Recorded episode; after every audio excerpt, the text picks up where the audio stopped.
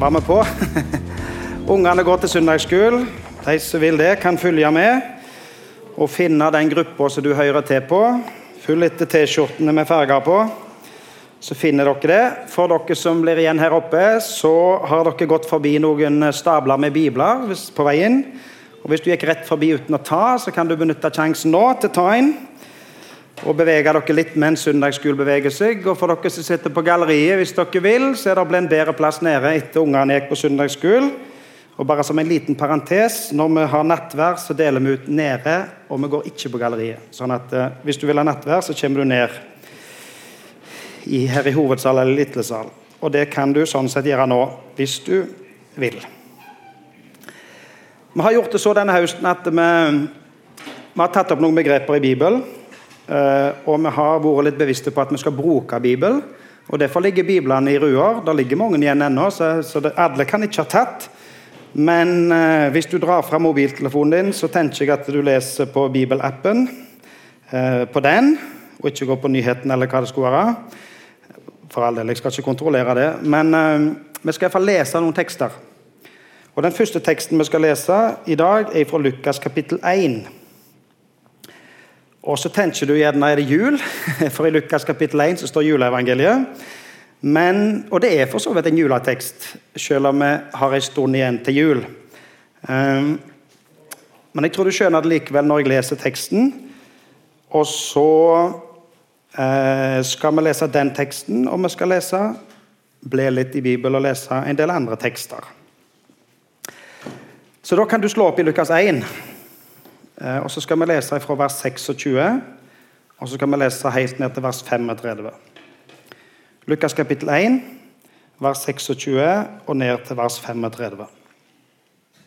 Og der står Men da Elisabeth var i sjette måned, ble engelen Gabriel sendt fra Gud til en by i Galilea som het Nasaret. Til en jomfru som var lovet bort til Josef, en mann av Davids ett. Jomfruens navn var Maria. Engelen kom inn til henne og sa:" Vær hilset, du som har fått nåde. Herren er med deg. Hun ble forskrekket over engelens ord og forundret seg over hva denne hilsenen skulle bety. Men engelen sa til henne, Frykt ikke, Maria, for du har funnet nåde hos Gud. Hør, du skal bli med barn og føde en sønn, og du skal gi ham navnet Jesus. Han skal være stor og kalles den høyeste sønn. Og Herren Gud skal gi ham hans far Davids trone. Han skal være konge over Jakobs hus til evig tid, og det skal ikke være ende på hans kongedømme. Maria sa til engelen, 'Hvordan skal dette kunne skje når jeg ikke har vært sammen med noen mann?' Engelen svarte, 'Den hellige ånd skal komme over deg, og den høyestes kraft skal overskygge deg.' Derfor skal barnet som blir født, være hellig og kalles Guds sønn. Vi har denne høsten som tema, eller som si, overskrift for temaene som vi har eh, på søndagene, så har vi begreper i Bibelen. Og Vi har sett på to sentrale begreper allerede, og jeg kommer til liksom, det tredje i dag. Vi har hatt eh, synd som tema, og vi har hatt tru som tema. Og I dag har vi altså nåde. Ofte i Bibelen, når Jesus får spørsmål, om han får spørsmål fra folk rundt eller fra disiplene sine, så svarer Jesus med å fortelle en historie. Og så svarer Jesus sånn f.eks.: 'Himlenes rike er likt', og så forteller han en historie. Og det har jeg jo tenkt denne høsten, at jeg skal ta fram noen sånne historier som forteller noe om disse begrepene. Og det var jeg skal ikke si det var enkelt, men det gikk an å finne i alle fall noen historier om synd og om tru. Og så må jeg innrømme at å finne en om nåde har vært litt vanskelig. For det er ingen historie i Bibelen som historiefortelling som, som sier sånn Nåde er kolon, og så kommer definisjonen. Og En skulle kanskje tro at hvis en søker på nåde, så kommer det mange mange bibeltekster, og det gjør det for så vidt. Men eh, Jesus bruker faktisk aldri Hvis du søker i evangeliene, så bruker Jesus aldri ordet nåde. Han skriver ikke 'nåde', kolon og så en definisjon. Men likevel så er på en måte nåde en del av alle historiene, uten at ordet brukes. Tenk på at du, du f.eks. hører på en som forteller en historie, så kan du si at dette var en varm historie. Eller en varm framstilling av historien. Eller det var en kald beskrivelse. Kjølig beskrivelse. Og så har ikke ordet varmt eller kjølig eller kaldt som, sånn sett blitt brukt, men eh, det ligger på en måte i historien likevel. At det var enten en varm fortelling eller en kjølig, kald beskrivelse. Så selv om Jesus ikke uttaler ordet nåde, så er det der likevel. Og grunnen til det er at Jesus faktisk er Han beskrives som full av nåde. Jesus er full av nåde og sannhet, står det i Bibelen.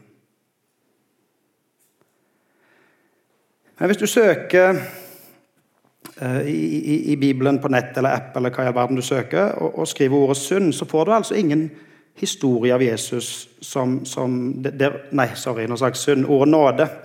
Um, så får du ingen historie av Jesus der ordet nåde uh, er, er, noe som han uttaler. Det nærmeste vi kommer, er når Jesus forteller om to som går til tempelet for å be. Jesus forteller om en som er vant med å gå til tempelet, en som, eh, som, går fremst i tempelet. Han har vært der mange ganger før. Han tenker om seg sjøl at dette kan han, og han kan be. Og han ber sin fromme bønn. Og Så forteller han om en annen person som, som han sier er en toller. En som ikke er vant med å gå i tempelet for å be. En som går inn og stiller seg helt bakerst og tenker at dette kan han ikke. Og bønnen han ber, er Gud, vær meg synder nådig. Gud, vær meg synder nådig. Og Jesus sier i denne historien om disse to så var det han som ba om nåde, som gikk hjem rettferdig. Den andre ikke. Altså Han som ba Gud være meg synder nådig, han ble rettferdig. Han fikk nåde. Han fikk det han ba om. Og Så møter Jesus så mange andre som vi, leser, som vi kan lese i historien og historiene om Jesus mens han gikk på jord.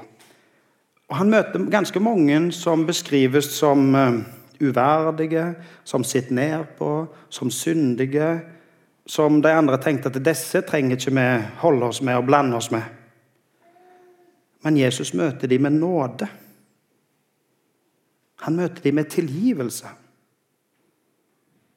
Selv om samfunnet tenker at disse fortjener ikke Jesus sin tilgivelse, så gir Jesus likevel. Han gir sin tilgivelse av bare nåde.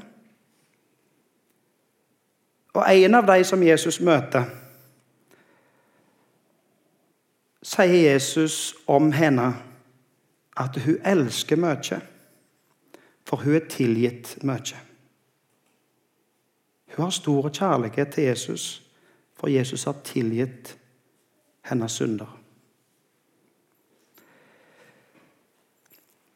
Dette ordet nåde er egentlig ganske kjent i vårt samfunn. Vi, om, vi kan snakke om nåde, og de fleste vet hva innholdet i, i ordet nåde er. Og, og, og, beskrivelsen eller definisjonen som er i samfunnet vårt, er egentlig ganske presis av ordet nåde. Hvis du står og slår opp i Store norske leksikon, så står det, la meg, la meg, lese hva det står i Store norsk leksikon på nynorsk. Der står det i kristendommen er nåde et uttrykk for Guds kjærleik og miskunn. Ifølge kristendommen let Gud nåde gå for rett for Kristi skyld. Det vil si at Gud fritek de skyldige for den fortjente straffa, tilgir dem og tilbyr dem evig liv i sitt rike.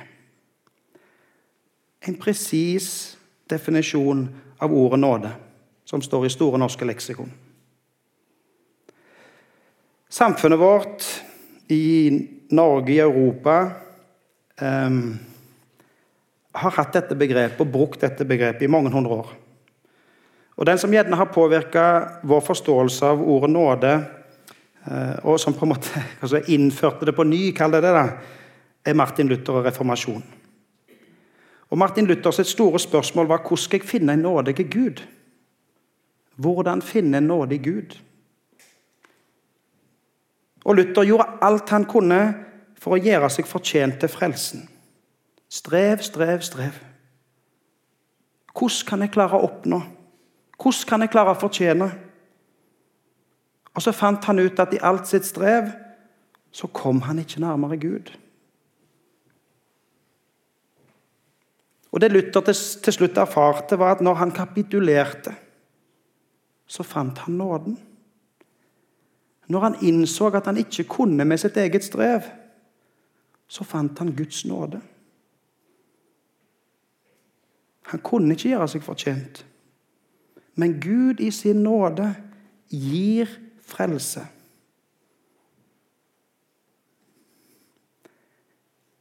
Reklamen i samfunnet vårt sier jo 'fordi du fortjener det'. ikke sant? Fordi du fortjener det, så skal du unne deg litt av det ene eller det andre. Flott budskap. Fordi du fortjener det. Det er egentlig ganske slitsomt å skulle måtte fortjene alt her i livet. Å skulle måtte streve for å fortjene. Fortjener du? Fortjener du alt du har i livet? Strever du for å gjøre deg fortjent?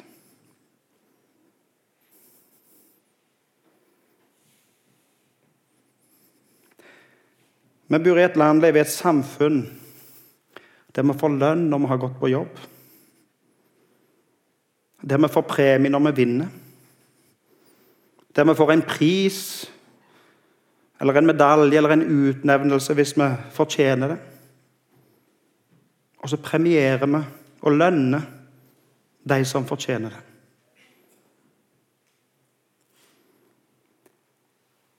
Men så bor vi faktisk òg i et land der de som ikke kan gjøre seg fortjent De som ikke kan produsere, eller de som f.eks. ikke kan delta i arbeidslivet, de får likevel det som de trenger. Og fellesskapet dekker kostnadene. Og så foregår det av og til en, en, en, en skummel diskusjon. Der vi setter pris økonomisk prislapp på hvem som har rett til, og hvem som fortjener.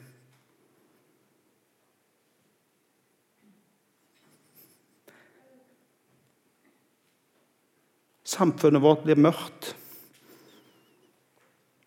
hvis vi skal regne av kroner og øre på hvem som har gjort seg fortjent til å få det de trenger i livet.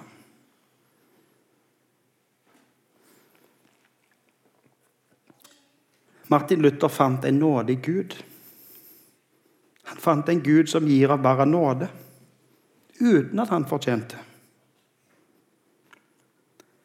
Og En annen mann som strevde, som jeg kan lese om i Bibelen, var Paulus. Paulus var jo liksom Hva skal du si? Han var jo selveste Paulus. Han var jo liksom den store, tenker vi. Og Så strever likevel Paulus med noe som han ikke klarer å beskrive direkte. Eller han gjør i hvert fall ikke det. Han beskriver det sånn, det er jo et fremmed språk for oss, men han snakker om en Satans engel som slår meg, sier Paulus. Og hva han strevde med, vet vi ikke. Om det gjerne var tidligere synder Han hadde jo forfulgt de kristne. Eller om det var sykdom som han ikke ble kvitt, eller om det var ensomhet, eller om det var syndige tanker og lyster som ikke ville slippe tak i han. Vi vet ikke. Men han beskriver det i 2. Korinterbrev 12, og det skal vi slå opp. Og I 2. Korinterbrev 12 så ber han Gud om å slippe. Han har noe som plager han, som han ber intenst til Gud om å slippe. Og I 2. Korinterbrev 12, ifra vers 7, så står det Og det er Paulus som skriver. For at jeg ikke skal bli hovmodig på grunn av de høye åpenbaringene, har jeg fått en torn i kroppen, en Satans engel som skal slå meg. For at jeg ikke skal bli hovmodig. Tre ganger ba jeg Herren om at den måtte bli tatt fra meg, men han svarte. Min nåde er nok for deg. For kraften fullendes i svakhet. Derfor vil jeg helst være stolt av mine svakheter, for at Kristi kraft kan ta bolig i meg. Altså Når Paulus trygler og ber om å bli kvitt det som plager han, det som han strever med, så svarer Gud, 'Min nåde er nok for deg'. Og så skriver Paulus utrolig mye om nåde.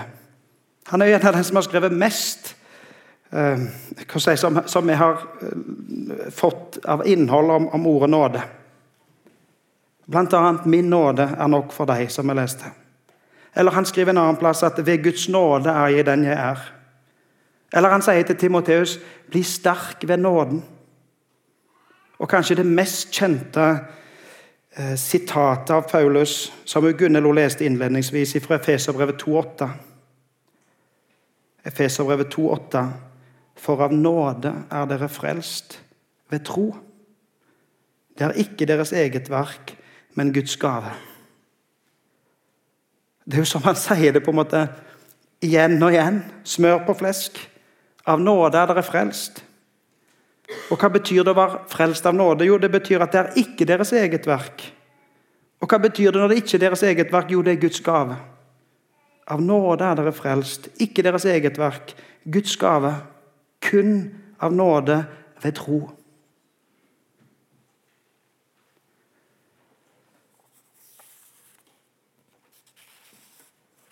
Hvis nåden skal være nåde, så kan den ikke inneholde noe som du gjør. Nåde kan ikke inneholde gjerning. Altså, Du kan ikke gjøre noen ting for å oppnå eller finne nåden. Det må ene og alene være Guds verk. Og Paulus skriver i Romerbrevet 11,6. Der skriver han er det av nåde, er det ikke på grunn av gjerninger. Ellers var nåden ikke lenger nåde.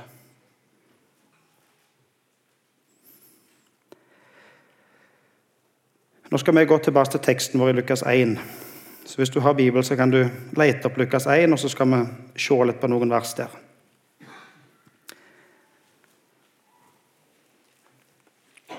Hva gjorde Maria for å gjøre seg fortjent til å bli Jesu mor?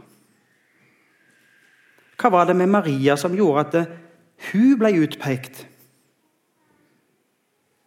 Hva hadde hun gjort for å fortjene det? Hun gjorde ingenting. Det at Maria ble Jesu mor, var ufortjent.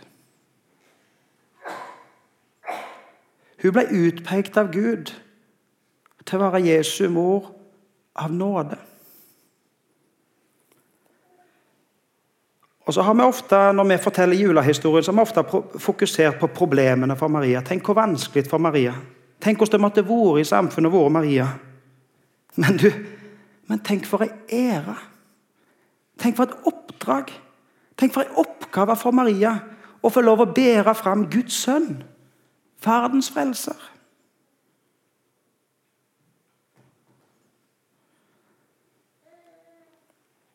Og hva var det som gjorde det? det som, hvordan gikk det til at Maria fikk bære fram verdens frelser, Guds sønn? Og jo, I vers 28 så står det Lukas 1, 28. Vær hilset, du som har fått nåde. Du som har fått nåde. Og i vers 30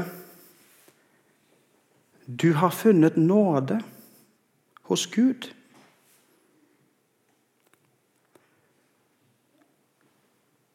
Nåden for Maria var ikke bare en læresetning eller en teori Der hun slo opp i et leksikon og skulle prøve å finne nåden, kolon, altså definisjonen. Nei, vet du, nåden kom til Maria i en person. Nåden kom til Maria inn i hennes liv.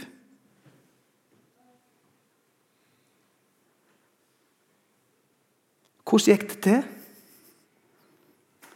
I vers 35 står det Den hellige ånd skal komme over deg. Og den høyestes kraft skal overskygge deg. Og så var det Den hellige ånd, Guds kraft, som i Maria sitt liv skapte Jesus, verdens frelser. Av nåde. Av bare nåde. Og Jesus, som ved Den hellige ånd levde i Maria, han er full av nåde. Han er nåde. Jesus er nåde i en person. Nå skal vi slå opp Johannes evangeliet kapittel 1. Johannes evangeliet kapittel 1.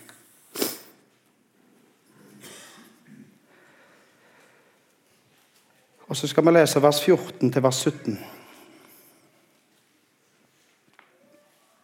Johannes 1, 14 til 17. Og ordet ble menneske.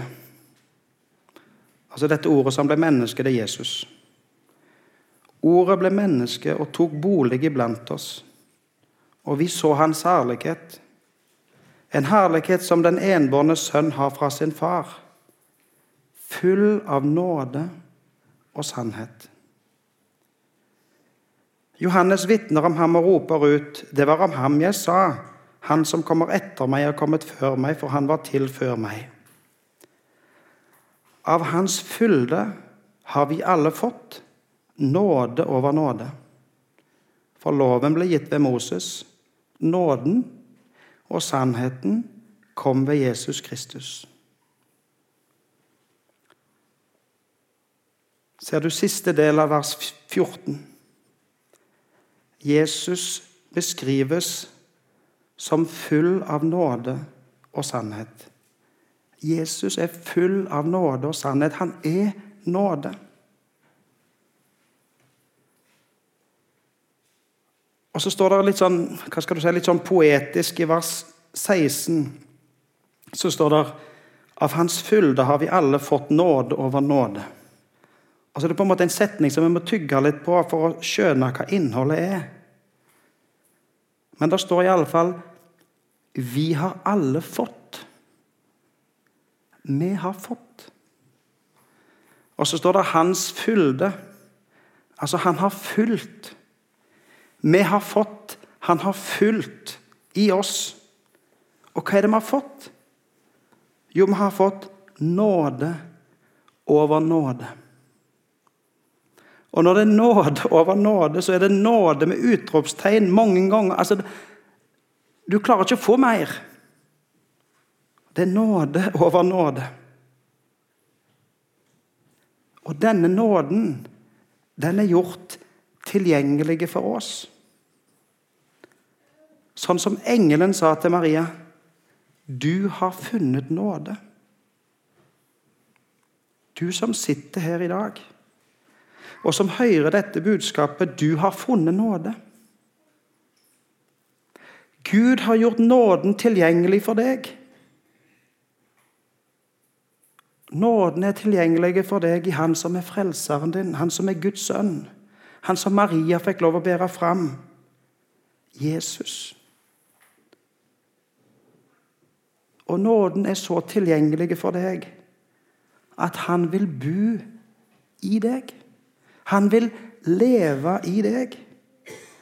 Han vil fylle deg. Av hans fylde har vi alle fått nåde over nåde.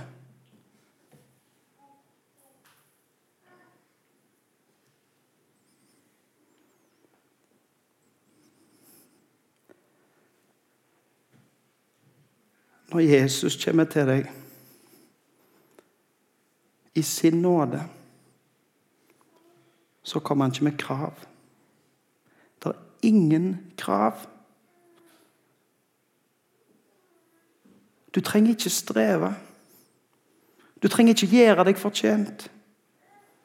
Du får Hans nåde ufortjent. Fordi han som vil gi, han gir, uten å kreve noe tilbake.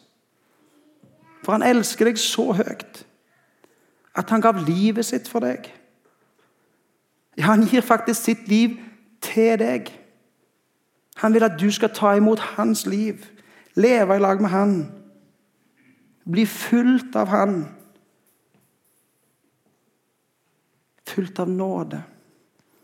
Nåde over nåde. Og vet du, når du får ta imot Hans nåde, og når Hans liv får være ditt liv Ja, vet du, da fortjener du. Du fortjener. For han har gjort det som kreves for at du fortjener å få del i frelsen ifra Gud. Tilgivelse for synder. Frelse. Evig liv. Du fortjener. Du har fått hans fortjeneste. Så får du eie han, tro på han, av nåde. Du har funnet nåde. Gud har gitt deg av sin nåde. Nåde over nåde. Et liv i lag med Jesus. Skal vi be. Jesus, takk for nåden. Takk, Jesus, at vi får komme til deg. Og du kommer til oss, og du gir oss nåde over nåde. Hjelp oss, Jesus, å forstå. Hjelp oss, Jesus, å ta imot. Hjelp oss, Jesus, å leve sånne liv der vi får lov å vise din nåde. Når du fyller oss med nåde, så kan vi formidle nåden videre. Jesus, må du velsigne oss i dag, uka som ligger før oss. Takk for ungene som er på søndagsskolen. Må du velsigne deg òg. I ditt navn. Amen.